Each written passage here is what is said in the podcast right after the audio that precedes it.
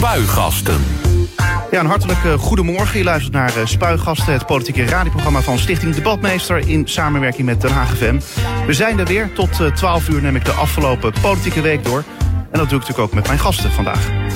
Gedeputeerde Staten van Zuid-Holland die presenteerden dinsdag hun coalitieakkoord als laatste provincie en met een college zonder verkiezingswinnaar Forum voor Democratie.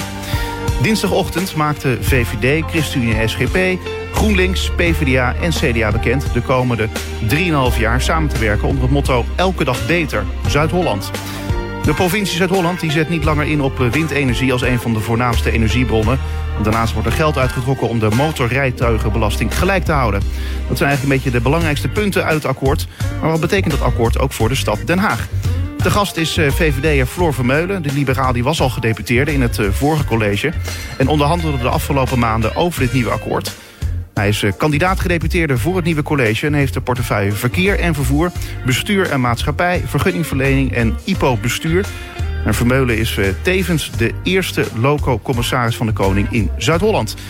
Ik zeg een hartelijk goedemorgen. Een hele goede morgen, Ivar. Ja, om nog even te verantwoorden dat je hier zit. Je bent boskoper. Ja. En dat is wat, wat heb jij eigenlijk met Den Haag? Ja, ik kom hier eigenlijk al mijn hele leven. Uh, en natuurlijk niet alleen omdat ik in de politiek zit en hier in Den Haag tegenwoordig werk. Maar ook omdat het gewoon een hele mooie stad is. Uh, als ik uh, vroeger met mijn ouders naar de stad ging, dan was dat eigenlijk altijd Den Haag. Um, dus ja, ik woon er niet, ik ben er niet geboren, maar ik heb wel echt iets, uh, iets met Den Haag. En ik heb hier ook een tijdje gestudeerd. Ik politicologie studeerde, deed ik dat hier aan de campus Den Haag. Het is dus verantwoord dat je hier zit? Ja, dat is aan jou te beoordelen, aan, aan luisteraars natuurlijk, maar ik hoop het wel. Maar je bent hier bijna misschien wel meer dan in jouw eigen woonplaats? nou, ik ben natuurlijk heel veel op weg, ook in de provincie zelf. Ehm, maar ik zit hier wel hele lange dagen ook in Den Haag zelf. En ik loop hier natuurlijk een hele tijd rond zo door de week. Dus ja, dat zou best eens dicht in de buurt kunnen komen van de tijd dat ik in Boskoop nog doorbreng. Ja. Nou, nou staat het provinciehuis van Zuid-Holland ook uh, in Den Haag. Dat is ook de reden dat ik zei van ja, misschien dat je hier uh, meer ja, bent dan, dan thuis. Ja, ja. ja, heb je dan nog tijd om, om de stad in te gaan en een beetje de, rond te kijken hier? Of... Nou, wat ik, wat ik eigenlijk wel heel erg fijn vind... als ik even tijd over heb tussen een vergadering... Uh, of uh, nou ja, kan eventjes uh, vrienden opzoeken hier in Den Haag... dat ik dan de fiets pak of even de stad inloop... Er was een tijd dat, dat ik heel veel bij de metropoolregio... die gaan over het openbaar vervoer in, in Den Haag en Rotterdam uh, ook moest zijn. Die zaten hier uh, vlakbij bij het stadhuis. Ja, Grote Marktstraat. Uh, Grote Marktstraat. en meestal was die vergadering eerder afgelopen dan gepland. Dus dan had ik een uurtje over of drie kwartier. En dan ging ik even door Den Haag zo terug naar het provinciehuis lopen. Uh, ja, dat, dat, is gewoon heerlijk. Een prachtige stad. Ja, dat hoor je ook niet vaak trouwens, dat vergaderingen eerder afgelopen zijn dan gepland. Nou, dat gebeurt. Als je een strakke voorzitter hebt, dan lukt dat soms wel. Of weinig op de agenda, dat kan natuurlijk ook. Ja. Heb je nog ooit overwogen om hier te gaan wonen? Ja, ik heb daar vroeger wel over nagedacht. Uh, omdat het natuurlijk een hele mooie stad is. Uh, tegelijkertijd, ja, als je nou in Zuid-Holland kijkt, waar ik woon in, in, in Boskoop. Ik ben hier in Den Haag in, nou, met de auto 35 minuten. Met het OV drie kwartier. Uh, sta ik op Den Haag Centraal. Ja, dat is natuurlijk geweldig. Dus eigenlijk, eh, kijk, Zuid-Holland is natuurlijk afhankelijk van waar je in de provincie je woont. Maar is eigenlijk één grote stad. Uh, omdat er gewoon hele goede verbindingen zijn. En zeker vanuit Boskoop naar Den Haag. Nou, je stapt de trein in, die gaat tegenwoordig vanaf Bos Boskoop. geen reclame dit hoor voor Boskoop, maar vier keer per uur. En dan kun je overstappen in Alphen of in, in Gouda. En dan ben je binnen 20 minuutjes, een kwartiertje, 20 minuutjes ben je in Den Haag. Dus het is allemaal ontzettend goed bereikbaar. Eigenlijk ben je evenveel tijd uh, kwijt als dat je bijvoorbeeld in Wateringen uh, de tram zou pakken. Dan zit je natuurlijk ook een hele tijd voordat je in uh, Den Haag Centraal gearriveerd bent. Ja, precies. Nou, dat is misschien een onderwerp waar we het zo meteen over kunnen Zeker. hebben. Waar de moet, provincie dat moet sneller. Ja. Precies, waar de provincie misschien iets kan gaan doen. we gaan het dus straks hebben over het coalitieakkoord van Zuid-Holland. Maar eerst, zoals altijd natuurlijk, beginnen we met... Het politieke weekoverzicht. Maandag 19 augustus. Vrouwenrechtenorganisatie Fem for Freedom die heeft bij het Openbaar Ministerie in Den Haag aangifte gedaan tegen verschillende islamitische organisaties. De politieke partij NIDA en raadslid Arnoud van Doorn. Door hun optreden rond de invoering van het gedeeltelijk boerkaverbod zouden zij zich schuldig hebben gemaakt aan opruiing, vindt de vrouwenrechtenorganisatie.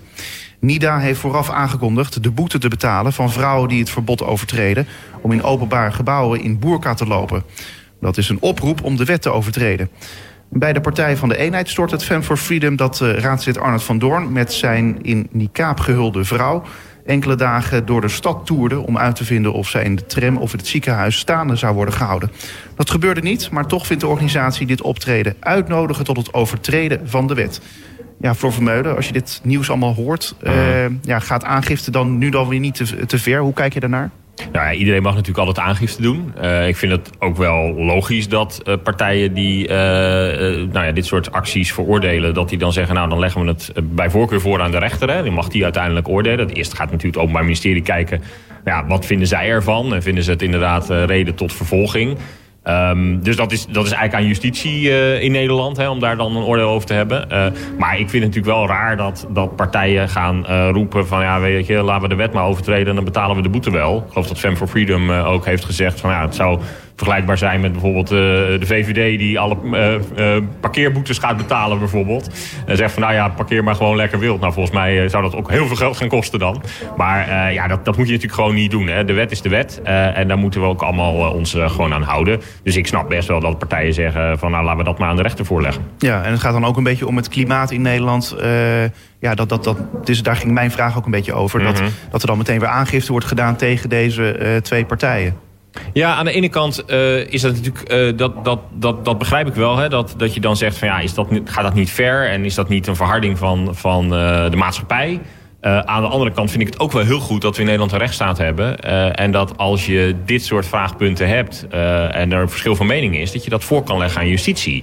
En uiteindelijk gaat dan het Openbaar Ministerie en misschien dan daarna de rechter daar natuurlijk een oorlog over, uh, over vellen.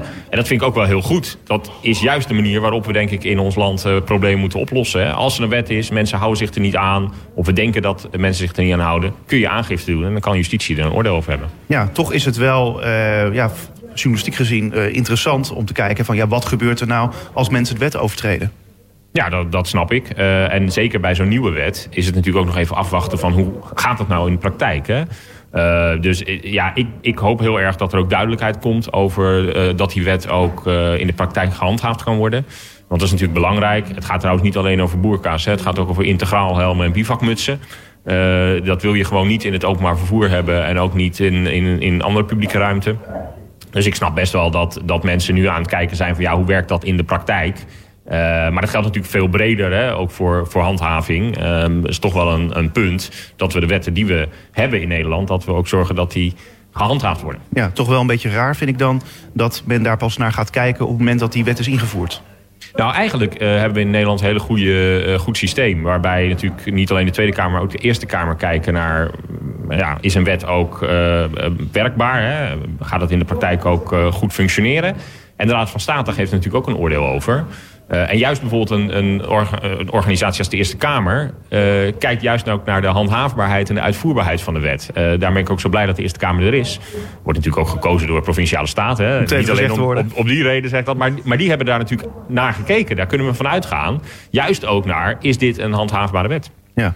Uh, toch het, het, het boerkaverbod, eigenlijk uh, het gedeeltelijk verbod gezichtsbedekkende kleding, zoals het officieel heet, ja. is er mede dankzij ook de VVD gekomen. Ben je daar nog trots op? Ja, ik heb destijds toen ik staatslid was, uh, heb ik eigenlijk uh, een van de eerste dingen in 2007 uh, wat ik toen heb gedaan is een vraag gesteld over um, nou, gezichtsbedekkende kleding in het openbaar vervoer. daar werd toen nog van gezegd van ja, dat moet allemaal kunnen. ik vind het wel goed om te zien dat nou, 10, 12 jaar later we in Nederland nu zover zijn dat we zeggen nee, dat, dat willen we echt niet. Hè. Het is natuurlijk prima, iedereen mag zichzelf kleden zoals hij wil.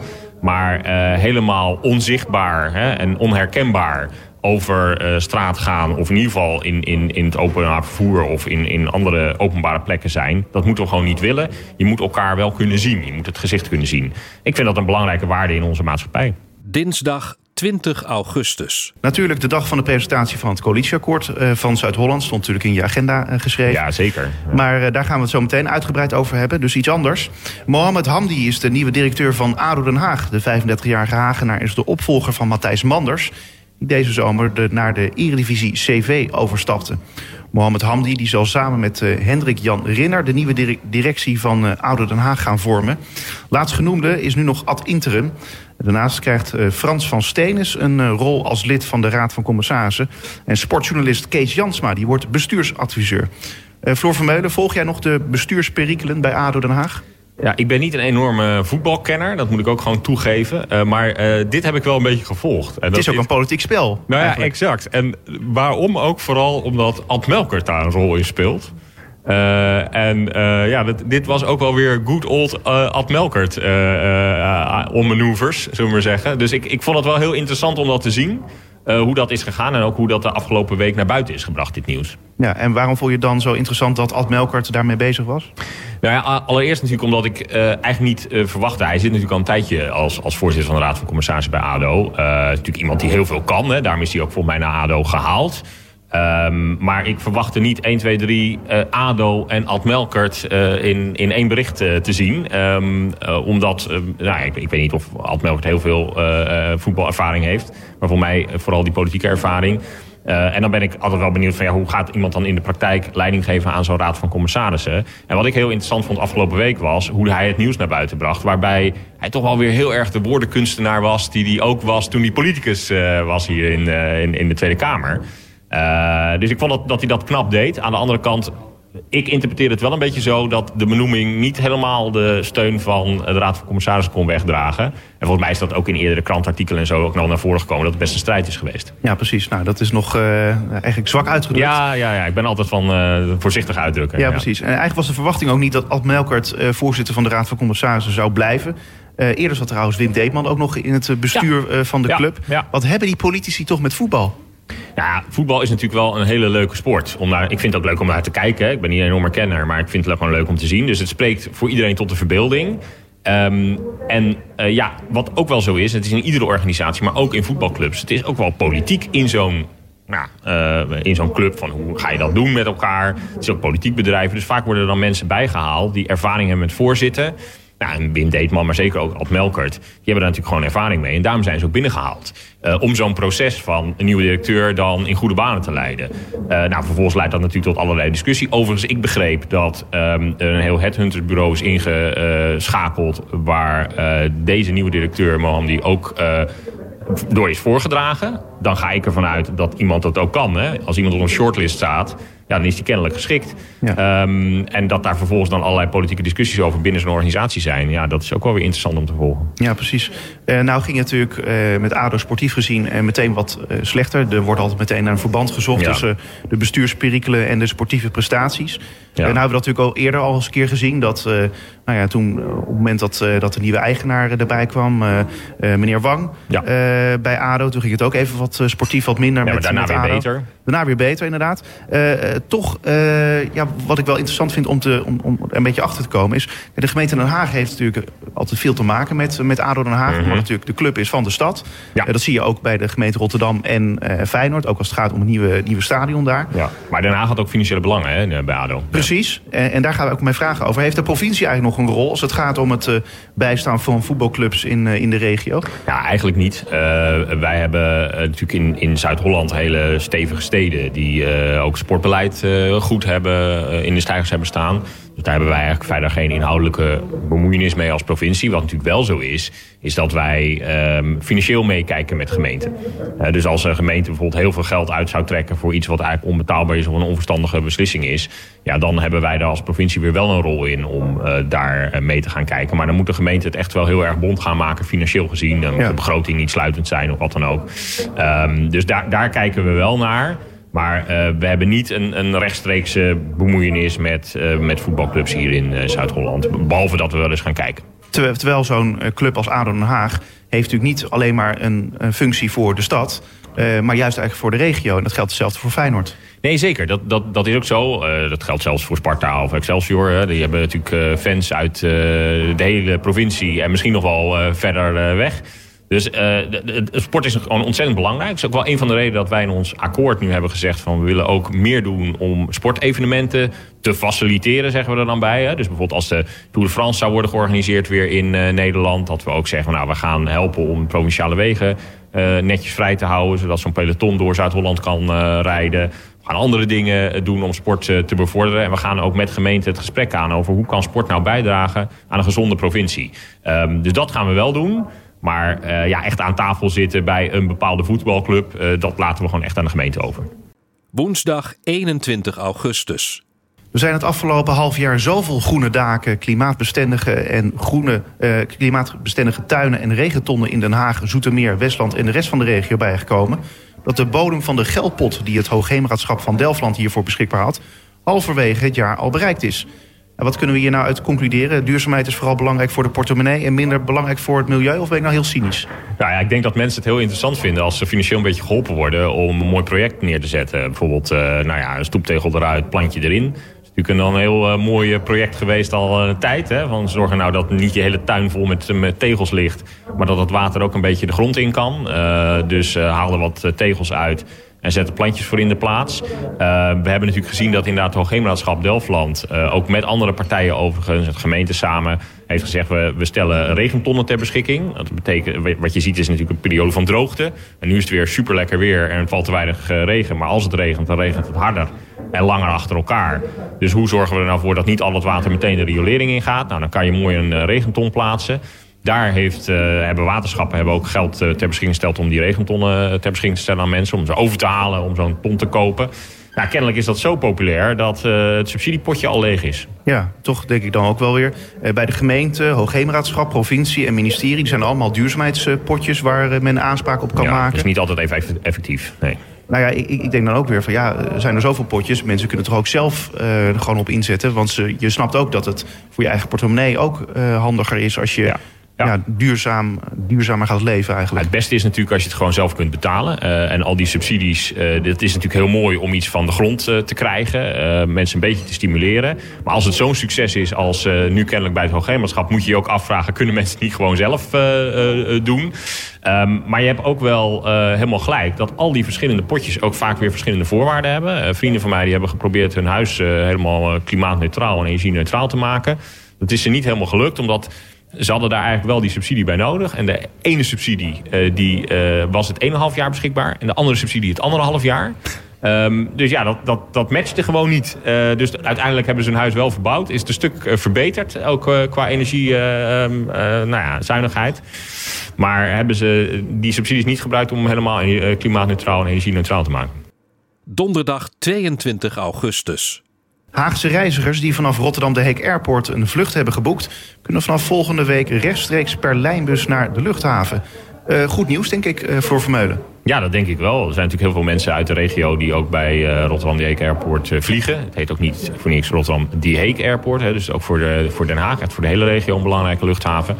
en het is natuurlijk ook goed dat je daar makkelijk met het openbaar vervoer kunt komen. Nou, er is een nieuwe vervoerder... Uh, in Den Haag en omstreken uh, EBS die hier gaat uh, rijden. En die bieden een rechtstreekse busverbinding aan. Ja, ik kreeg wel de vraag van mensen... waarom een Israëlische maatschappij? Ja, omdat, waarom een Franse of waarom een Duitse? Er zijn heel veel verschillende busmaatschappijen in Nederland... die strijden om die concessies. Hè. Je krijgt dan een contract van de gemeente of van de provincie. die zetten dat in de markt, zoals dat dan heet. en nou, de beste inschrijver die wint... Uh, en er zijn verschillende partijen, die, uh, dat zijn allemaal Nederlandse bedrijven, maar die hebben ook aandeelhouders. En EBS is een, een Nederlands bedrijf met ja, aandeelhouders uit Israël. Overigens het pensioenfonds van Israëlische buschauffeurs. Um, maar zo heeft bijvoorbeeld Arriva, ook een grote vervoerder, die heeft de Duitse Deutsche Bahn als aandeelhouder. En Transdev van Connection die hebben weer Franse staat als aandeelhouder. Dus zo, uh, en, en bijvoorbeeld de Nederlandse spoorwegen die zit weer in Engeland met, met uh, allerlei bedrijven. Dus ja, dat is die Europese markt. is heel erg verweven. En iedereen die kan daar een bedrijf uh, starten. En als ze het goed doen, is dat natuurlijk prima. Ja. Uh, en gewoon fijn voor in elk geval dat er nu een betere verbinding is tussen Den Haag en Rotterdam Heek Airport. Ja, nou ja, dat is helemaal mooi. Uh, en dat, dat is dus ook gevraagd hè, door de metropoolregio Rotterdam Den Haag, die dat aanbesteden. Die hebben gezegd: wij vinden dat heel erg belangrijk dat er zo'n rechtstreekse verbinding komt. En die komt er dus nu ook. Ja, uh, de vraag was wel al eerder van dat er een soort van ja, eigenlijk metrostation zou moeten komen eerder. Of een light rail verbinding die dan langs Rotterdam Heek Airport zou gaan. Goed, dat, uh, dat gaat nog even duren, denk ik. Nou, eigenlijk heb je een hele goede halte bij uh, Meijersplein. Uh, alleen dat hij, de, die halte die heet Meijersplein en niet Rotterdam die Heek Airport. Dus een beetje verwarrend voor mensen. Nou, als de Hoekse lijn klaar is, want ze moeten dan al die haltes vernoemen... heet dat voortaan Meijersplein Airport. Dus dan weten mensen ook dat ze daaruit kunnen stappen. En vanuit daar gaat een rechtstreekse verbinding van dus de Randstadrail... naar de terminal van, van Rotterdam Airport. Dus eigenlijk heb je heel dichtbij heb je gewoon een, een metrohalte. Vrijdag 23 augustus. De zelfstandige aftrek die wordt vanaf volgend jaar verlaagd. Hij gaat uiteindelijk naar 5000 euro, ruim 2000 euro minder dan nu het geval is. Volgens Haagse bronnen zijn de coalitiepartijen het eens geworden over deze maatregel. Met de beperking van de belastingaftrek voor zelfstandigen moet een deel van de lastenverlichting voor burgers worden betaald. De maatregel is ook bedoeld om de fiscale verschillen tussen eh, werknemers en zelfstandigen te verkleinen, zoals minister Koolmees het wil. Het streven past ook in het beleid om het aantal schijnzelfstandigen terug te dringen.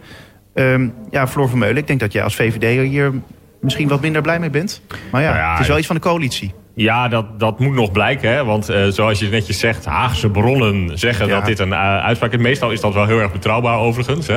Eh, die Haagse bronnen. Maar ja, dit zijn natuurlijk allemaal plannen die met Prinsjesdag naar buiten gaan komen. Of in ieder geval naar buiten moeten gaan komen. In het kader van de nieuwe begroting van, van, van het Rijk. Eh, en dan zal natuurlijk ook moeten blijken, van, nou, hoe gaan we zorgen dat er eh, meer koopkracht is voor mensen. Dus dat iedere Nederlander in de portemonnee gaat merken dat het economisch goed gaat. Dus de afgelopen jaren eh, heeft niet iedereen dat gemerkt. Nou, en dan zitten ze dus te draaien aan allerlei knopjes. En dan kijken ze, nou, als we dit eh, bedrag wat verlagen en dat bedrag wat verhogen, gaan we er dan allemaal op vooruit.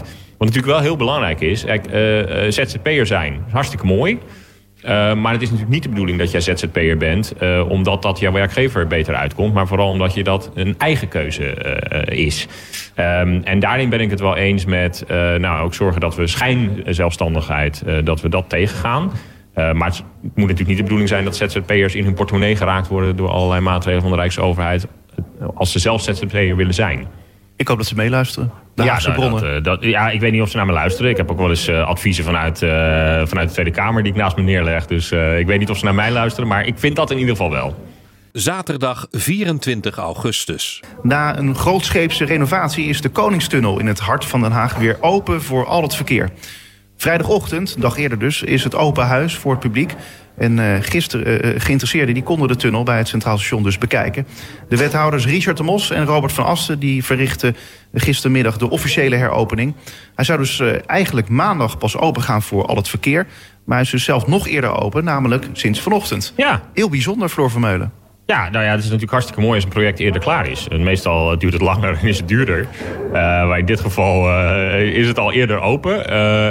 Ik heb nog even erover nagedacht toen ik hier naartoe reed met de auto. Ik denk, nou, zal ik er alvast doorheen rijden toen ik begreep dat het al open was. Maar dat heb ik toch maar, dat was onhandig, dus dat heb ik uiteindelijk toch maar niet gedaan.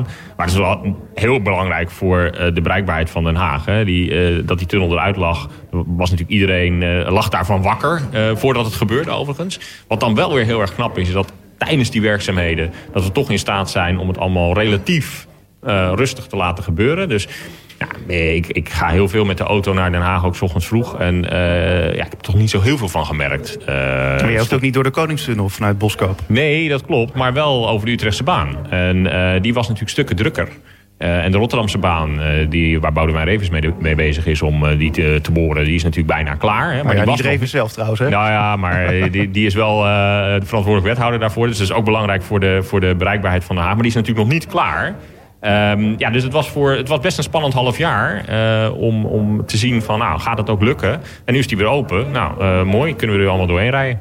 Tot zover het weekoverzicht. Meer nieuws vind je op onze website denhaagfm.nl. Spuigasten. Gedeputeerde Staten van Zuid-Holland die presenteerden dinsdag hun coalitieakkoord als laatste provincie en met een college zonder verkiezingsverwinnaar Forum voor Democratie.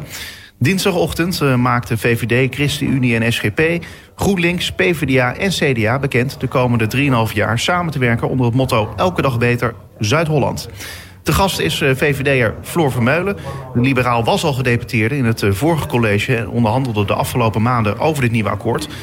Ja, uh, Floor, ik zei natuurlijk niet voor niks... dat jullie de komende 3,5 jaar samen gaan werken. Want het heeft me even geduurd. Ja, dat klopt. Het, het duurde best wel lang deze keer. natuurlijk ook omdat het een hele complexe politieke situatie is... naar aanleiding van de verkiezingsuitslag. veel meer partijen hebben dezelfde hoeveelheid zetels moeten verdelen...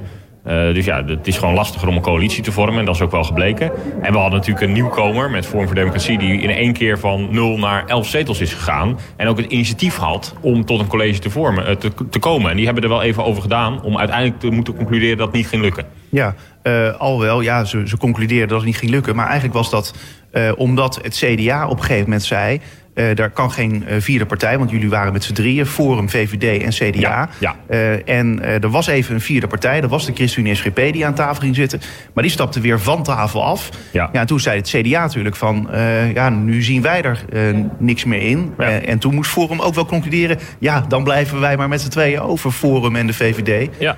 Nou, Nou, toen heeft. Hans Wiegel eigenlijk, want die, die was aangezocht eh, door, eh, door Thierry Boudet, geloof ik. Hè. Die hebben nog met elkaar gegeten in Friesland. eh, ehm, om te gaan kijken van welke partijen willen met elkaar samen gaan werken. Nou, wij waren als VVD ook bereid om met Forum voor Democratie eh, die samenwerking aan te gaan. CDA was dat inderdaad ook. Maar uiteindelijk heeft Hans Wiegel gezegd van ja, ik, ik zie gewoon geen mogelijkheid meer om tot een meerderheid te komen.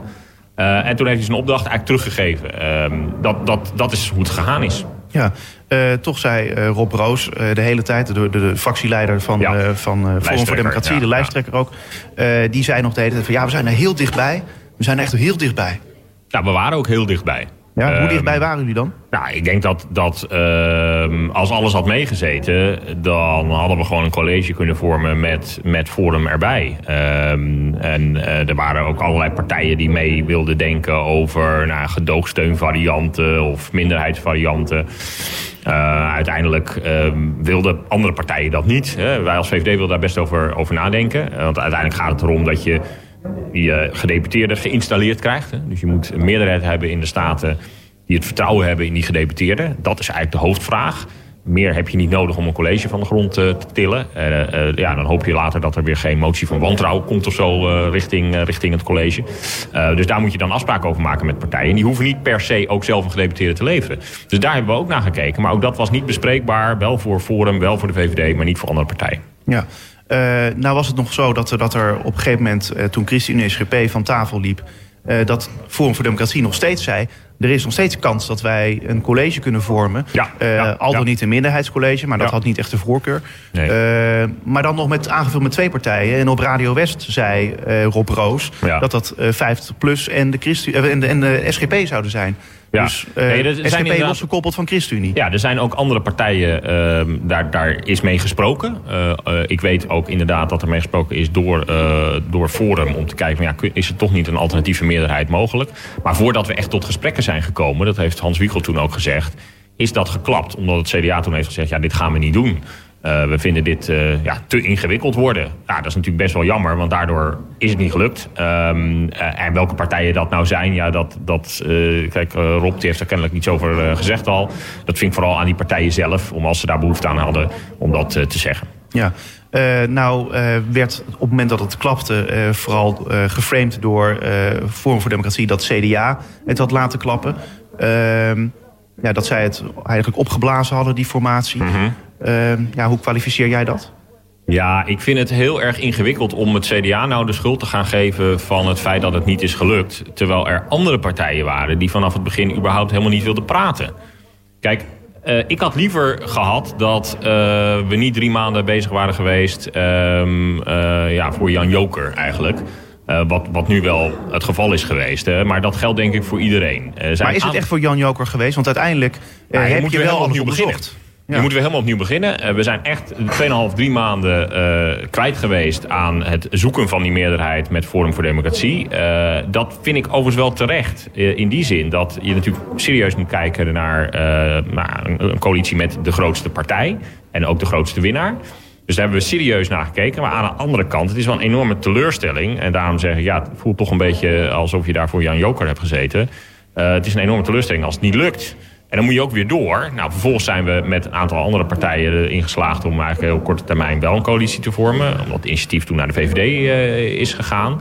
Ehm, maar dat, dat, ik had liever gehad dat die conclusie eerder was getrokken. Ik denk dat alle partijen het daarover eens zijn. Ook Forum. Die hadden ook liever gehad dat eh, dat het dan misschien na een maand al duidelijk was geweest. Omdat er ook heel veel tijd en energie in is gestoken. Bijvoorbeeld ook door Rob Roos. Die heeft echt heel, heel veel tijd eh, ingestoken. Ook Hans Wiegel. Om te kijken van hoe lukt het wel. Ja, en als je dan na drie maanden het lukt niet. Dan is dat eh, jammer. Maar het had niet sneller gekund. Ik denk dat het sneller had gekund als, ehm, eh, als bepaalde partijen wat sneller waren geweest in het trekken van hun conclusie. Dus bijvoorbeeld, ja, we hebben inderdaad met ChristenUnie SGP eh, twee, drie weken eh, gesproken. en eigenlijk denk ik dat, dat er wel eerder geconcludeerd had kunnen worden dat dat niet ging werken. we hebben toch geprobeerd. die partij heeft er ook nog redelijk vaak over gediscussieerd, ook intern. En misschien had die conclusie gewoon eerder getrokken moeten worden dat dat niet werkt. En, en dat soort dingen, denk ik dan, ja, dan, dan hebben we wel heel, zijn we wel heel lang met elkaar bezig geweest. Dat is misschien zonde geweest. Aan de andere kant, ja, we hebben het wel echt geprobeerd. Ja, precies. Uh, nou, nou zei je van, ja, er zijn partijen die niet eens zijn gaan praten met Forum voor Democratie. Dat was voor de VVD altijd heel belangrijk. Dat partijen in elk geval in gesprek zouden gaan met, uh, met Forum. En niet bij voorbaat al zouden zeggen van, nou, dat is Forum voor Democratie. Daar willen we niet eens mee aan tafel zitten. Nee, dat is natuurlijk heel raar als je dat zegt. Maar nou zit je wel in het college met die partijen. Ja, dat klopt. Met GroenLinks uh, en met uh, de PvdA. Ja, maar um, wat wel goed is om te weten... is dat er wel degelijk gesprekken zijn geweest... Uh, tussen GroenLinks en Forum en tussen Partij van de Arbeid en Forum. dus ze hebben wel gekeken van, nou, zou het gaan werken? Ze hebben alleen samen moeten concluderen, dit gaat niet lukken. Dat was ja. een gezamenlijke conclusie. Dat zijn ze wel heel snel.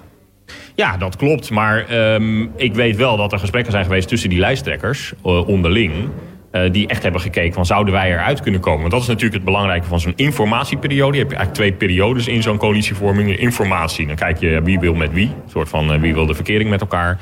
En vervolgens ga je uh, de huwelijkse voorwaarden uit onderhandelen. En dat is de formatie. Ja. En in die informatieperiode ja, vindt er heel veel contact plaats. En wat ik echt positief vind is dat GroenLinks en Partij van de Arbeid en Forum ook met elkaar hebben gekeken van ja, zou het gaan werken? Maar die, ja, die zijn samen tot de conclusie gekomen, het, het gaat niet, niet lukken onderling. Ja, ja, ik heb dat altijd bijzonder gevonden, want ik denk dan, laten we, laten we eens gaan onderhandelen, laten we het gaan proberen. Dat is volgens mij hoe je in de Nederlandse democratie met elkaar eruit moet komen. En ik denk dat het op inhoud ook mogelijk was geweest. Wij hebben met Forum en de CDA hebben we onderhandelingen gevoerd, hè, een soort gekeken van, nou ja, zou niet een soort van poging kunnen doen om tot een, tot een raamwerk van een coalitieakkoord te komen. Nou, dat bleek eigenlijk prima te lukken. Maar het is toch afgekest op uh, vooral beeldvorming, denk ik. Ja. Uh, heeft uh, Rob Roos je nog een felicitatie gestuurd toen het huwelijk was gesloten? Nee, maar ik heb wel... De, je bedoelt de recente coalitie. Ja, nee, ik heb heel goed contact met Rob. Ehm, maar dat heeft hij niet gestuurd. Nee, ik heb wel gezien dat hij in de media... volgens mij Volkshand heeft gezegd van... nou, ik vind het goed dat er bestuur is voor Zuid-Holland. En zo ken ik Rob ook. Die heeft echt het, het nou, ook het belang van de provincie voor ogen. Wat ik wel jammer vind is dat hij nu niet meer in de Staten zit. Ja.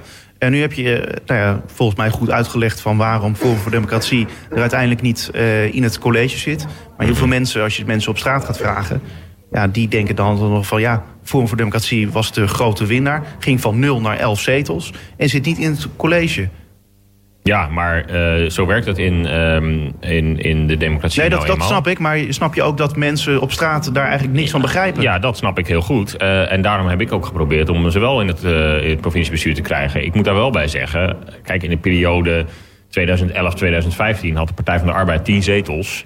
Uh, die zaten toen ook niet in het, uh, in het provinciebestuur. Um, dus dat komt gewoon voor. De VVD heeft wel eens in het verleden, was de grootste partij... en is toen ook niet in het provinciebestuur gekomen.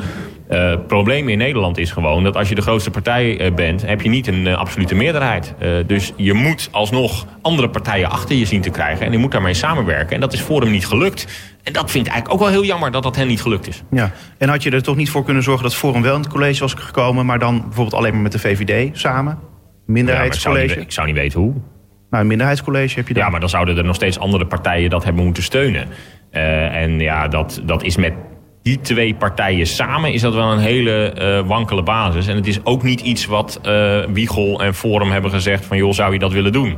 Dus die vraag hebben zij ook nooit gesteld. Dus dat vonden ze volgens mij zelf ook geen optie. Nee, en de VVD dus ook niet? Nee, ik denk dat dat uh, met twee partijen dat dat ja, een te smalle basis is. Maar de VVD was sowieso nodig voor welke coalitie dan ook? Dat is niet helemaal waar. Uh, er was ook een, uh, die, die, optie is er nog steeds, uh, een, een, optie dat als we even PVV, Forum en VVD niet meenemen... dan moeten alle andere partijen samenwerken en dan heb je een alternatieve meerderheid.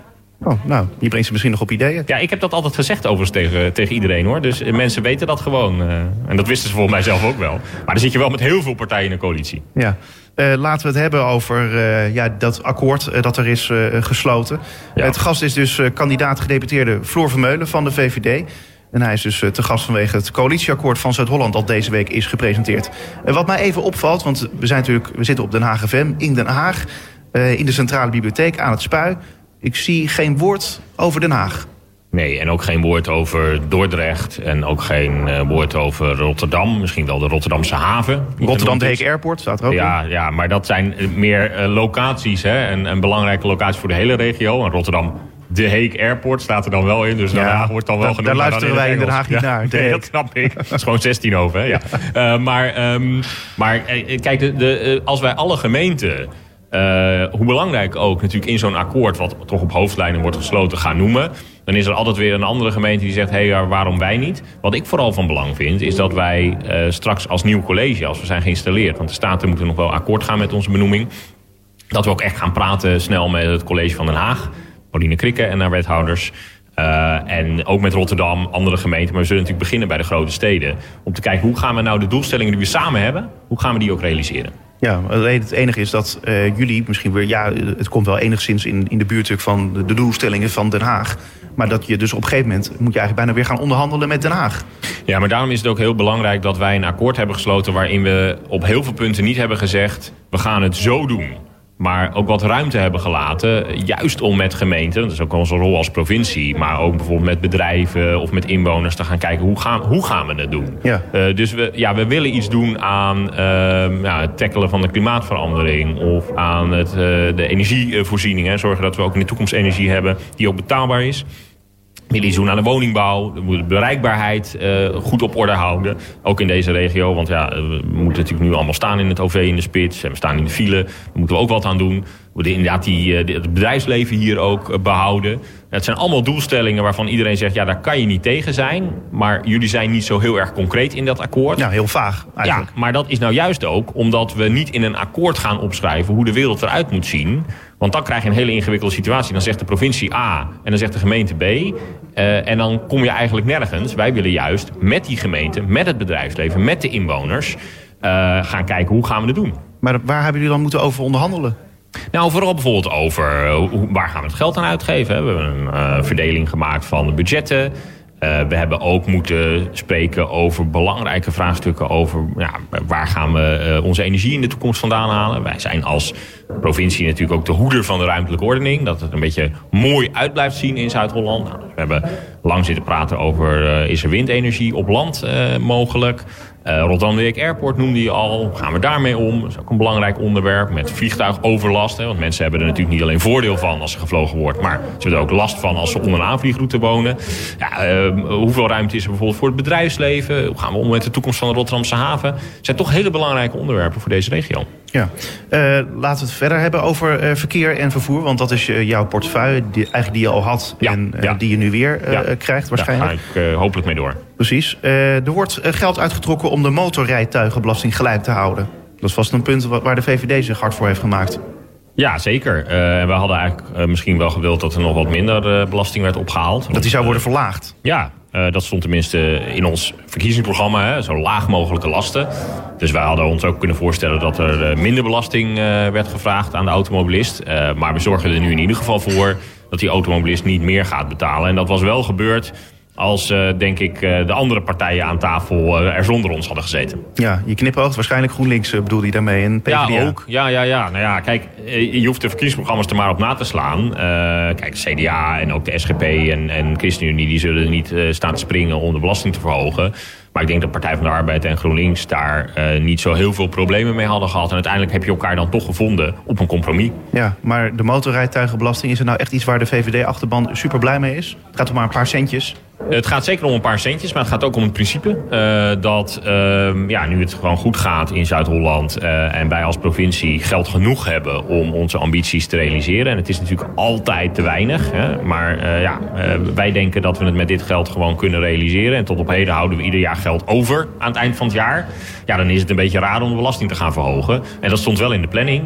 Uh, dus uh, ja, dat gaan we dus nu niet doen. Ja. Uh, waar gaat dat geld eigenlijk naartoe dan, die motorrijtuigenbelasting? Ik bedoel, wordt het wel gebruikt? Want ik bedoel, bij mijn weten is, is dit een van de weinige belastingen die de provincie heeft. Waar dus mee eigenlijk direct geld in het laadje ja. komt van de provincie. Ja, dat is eigenlijk de enige belasting die de, die de provincie kan heffen. Hè. Dat is dus een, ongeveer nou, de helft, iets minder dan de helft van de motorrijtuigenbelasting die je betaalt. meer dan de helft gaat naar het Rijk, iets minder dan de helft gaat naar de provincie. Um, maar het is niet een uh, belasting die je specifiek uit zou hoeven geven aan verkeer. Dat is eigenlijk een beetje raar. Hè? Dus de automobilist betaalt. Maar daar kan bijvoorbeeld ook natuur van worden aangelegd. Of nou ja, er kan iets worden gedaan aan de economie. Dus uh, de provincie mag zelf bepalen waar dat geld vervolgens naartoe gaat. Dus het is een uh, algemene belasting, heet dat dan. Um, maar andere middelen hebben we niet. Behalve dat het Rijk ons jaarlijks uh, nou ja, een cheque schrijft en dat aan, aan de provincies overmaakt. Ja. dan iets anders, waar waarschijnlijk de mensen in Leiden heel blij mee zijn. De frequentie wordt verdubbeld tussen Leiden en Utrecht. Ja, dat, was, dat is eigenlijk een plan uh, wat al een hele tijd uh, in ja, de planning staat. Dus daar zijn we ook mee bezig om daar meer treinen te laten rijden. Om een extra station in Azerswoude uh, aan te leggen. Um, maar deze lijn die staat specifiek in omdat het een provinciaal project is. En mensen toch het van belang vonden om er iets over te zeggen. Maar er zijn natuurlijk ook heel veel andere spoortrajecten waar we als provincie mee bezig zijn. Bijvoorbeeld de viersporigheid tussen Den Haag en Rotterdam. Dat is nog voor een stukje tussen uh, Rotterdam, uh, eigenlijk Schiedam en, en Delft-Zuid... is dat nog maar twee sporen. Nou, er is heel vaak vertraging. En wat we als provincie bijvoorbeeld ook proberen... is daar vier sporen van te maken, zodat er meer treinen overheen kunnen. Nou, dat lukt ook. Daar hebben we ook afspraken over met het ministerie gemaakt. En wat we ook aan het doen zijn, is kijken of we meer uh, treinen kunnen laten rijden... tussen Dordrecht en Rotterdam en tussen Dordrecht en Breda. Dus we kijken naar veel meer. Maar dit is even één project waar we echt als provincie ook verantwoordelijk voor zijn... om dat uh, voor elkaar te krijgen, wat we wel wilden noemen. Ja, dan ben je waarschijnlijk ook nog heel blij met het nieuws van deze week... dat de regeringscoalitie die werkt aan plannen om volgend jaar al miljarden euro's vrij te maken... voor een aantal grote bouwprojecten. Het gaat dan bijvoorbeeld om de aanleg van extra light rail verbindingen rond de grote steden... en het doortrekken van de Amsterdamse Noord-Zuid metrolijn naar Schiphol... En uh, in een overleg tussen de vier partijen uh, ja, moest daar nog de knoop over worden doorgehakt. Melden bronnen in Den Haag deze week. Ja, ja. Uh, zou je wel blij mee zijn, hebben dan? Ja. ja, precies. Nou, kijk, het is natuurlijk heel belangrijk dat er gewoon geïnvesteerd wordt. Wij doen dat als provincie ook. Wij lenen geld om vervolgens te kunnen investeren. Uh, en wat uh, bijvoorbeeld ook wel uh, allerlei organisaties, internationale organisaties zeggen is van ja, we verdienen heel veel geld als Nederland. alleen de overheid geeft eigenlijk te weinig uit aan investeringen in infrastructuur. Ja, en willen we in de toekomst um, ja, ook zo welvarend blijven als we nu zijn, dan moeten we dat echt wel doen. Dus ik vind het heel positief dat de regering nu eindelijk ook wakker wordt en gaat zeggen wij gaan echt miljarden investeren. Wat ik wel heel erg belangrijk vind is dat we dat geld dan ook uitgeven aan dingen die bij wijze van spreken morgen of overmorgen te realiseren zijn. Zoals? Uh, nou ja, bijvoorbeeld die viersporigheid hè, tussen uh, uh, Delft en, en Schiedam. dat is een project dat ligt gewoon klaar. Nou, ik ben morgen bereid om met de staatssecretaris Stientje van Veldhoven daar een afspraak over te gaan maken. Dus ik zou zeggen, kom er maar in. Dan gaan we het in deze regio regelen. Op zondag? Ja, uh, nou ja, het mag ook op zondag. Uh, misschien uh, vindt de SGP dat lastig, maar voor de VVD is zondag ook gewoon een werkdag. Ja. Prima. laten we het nog hebben over schone energie, want dat is eigenlijk een belangrijk thema voor Zuid-Holland. staat ook in het nieuwe coalitieakkoord. Ja. Was natuurlijk eigenlijk de afgelopen jaren in de vorige, vorige college ook al ja, een, belang, een van de belangrijkste dossiers al dan niet de belangrijkste. zo wil Zuid-Holland innovaties stimuleren die bijdragen aan CO2-vrije elektriciteit. De afspraken voor windmolenlocaties die zijn gemaakt met de landelijke overheid, die worden nog nageleefd. Naast wind en zon denkt de provincie onder andere aan ultradiepe geothermie, oftewel aard, aardwarmte, ja. waterstof en uh, getijdenenergie en andere innovatieve vormen. En biomassa-centrales die hebben, geen, uh, voor, die hebben niet de voorkeur. Nee, nee, want die uh, brengen ook veel uh, allerlei fijnstof in de lucht en zo. Ja. Alleen aan de andere kant, uh, het mag wel. als, als er vandaag iemand een vergunning aanvraagt voor zo'n biomassa-centrale indient, dan kan dat gewoon en dan moet je dat als provincie ook vergunnen. Ja, Uh, nou dacht ik wel nog, in het uh, vorige akkoord stond er zelfs nog een onderzoek naar een kerncentrale. Dat is wel het andere uiterste dan, toch? Oh, je bedoelt in de, in de samenwerking met Forum uh, ja, hebben we Forum inderdaad met VVD iets, en CDA. Ja, ja Forum vond het heel belangrijk om iets te zeggen over de kerncentrale. Die overigens gewoon kan komen. Op de Maasvlakte is er ruimte om een kerncentrale neer te zetten. Als de Rijksoverheid dat zou willen. Maar het is niet echt iets waar we als provincie een rol in hebben. Nee, maar de provincie, uh, in ieder geval Zuid-Holland, zou dit ook niet echt willen als ik het akkoord zo lees. Nou ja, kijk, uh, kernenergie is, uh, vindt zelfs het IPCC, de Internationaal Klimaatpanel van de Verenigde Naties, is kern, die, die zeggen kernenergie is gewoon ook onderdeel van de energiemix in de toekomst. de vraag is alleen, ja, op welke manier dan? is dat bijvoorbeeld een nieuwe innovatieve manier met kernfusie of ja, thoriumreactoren? is dat iets wat morgen echt al beschikbaar is? Of uh, duurt dat nog langer? Ja, dat zijn allemaal uh, zaken. Hoe, hoe, zorgen we ervoor dat we energie in de toekomst ook houden... waar we echt wel de komende jaren goed naar moeten gaan kijken. Ja, jullie willen ook liever eigenlijk geen windmolens meer in Zuid-Holland.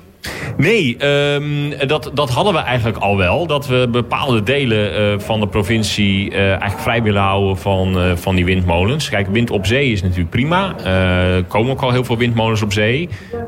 we bouwen nu, nou, althans de Rotterdamse haven doet dat. Die bouwen de grootste windturbine van Nederland volgens mij in.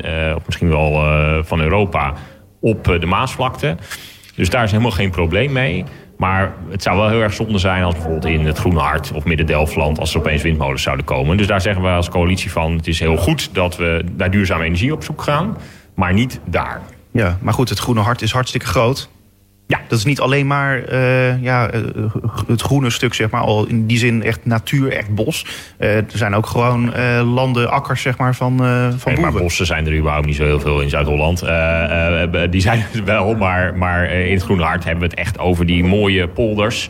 waar je nou, tot aan de horizon kunt kijken.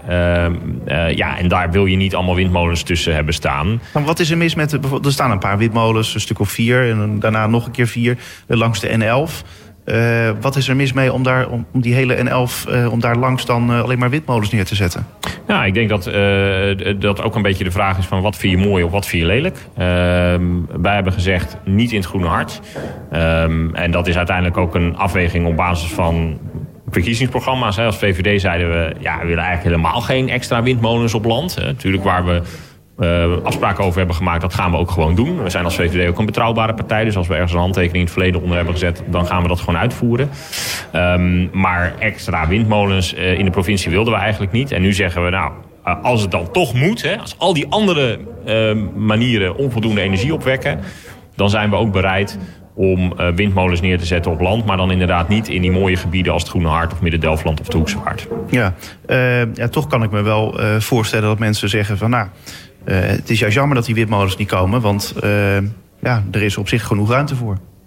Ja, er is uh, heel veel ruimte in de provincie.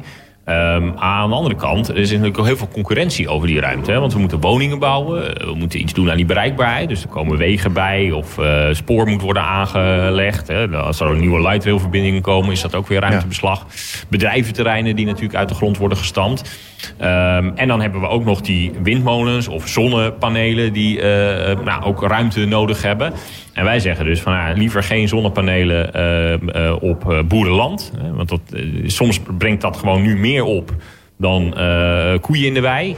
Nou, dat is natuurlijk zonde als opeens zo'n boer gedwongen wordt... om zijn hele land vol met zonnepanelen te gaan zetten. Dat willen we dus niet. Het ziet er ook niet mooi uit. En hetzelfde geldt voor die, voor die windmolens. En de provincie gaat ook over die ruimtelijke ordening. Hè? Van, ja, wat, wat vinden we wenselijk, wat niet. We vinden het ook heel normaal dat de provincie bepaalt waar er woningen gebouwd mogen worden. Dus het is eigenlijk ook logisch dat wij bepalen waar de windturbines mogen komen of zonnecollectoren. En daar wordt uh, Zuid-Holland elke dag beter van? Zeker, want daardoor zorgen we dat Zuid-Holland ook mooi blijft in de toekomst. Ja. Uh, hoe gaat het nu verder met het coalitieakkoord? Ik bedoel, uh, ja, de staten moeten het goedkeuren? ja, zeker. Nou, het coalitieakkoord hoeft niet goedgekeurd te worden door de staten. Dat is een politiek akkoord tussen de coalitiepartijen, de vijf fracties. Ja. Um, maar wat wel goedgekeurd moet worden is de voordracht van de gedeputeerden. Dus ja, wij zitten nog even met uh, samengeknepen billen uh, tot uh, begin september. Om te zorgen dat, dat we dan ook worden ingestemd. nou, nou ja, mag je ervan uitgaan dat er een meerderheid de keuze maakt om deze gedeputeerden ook te installeren. Maar dat moet nog wel even gebeuren. En dat is natuurlijk aan provinciale staten.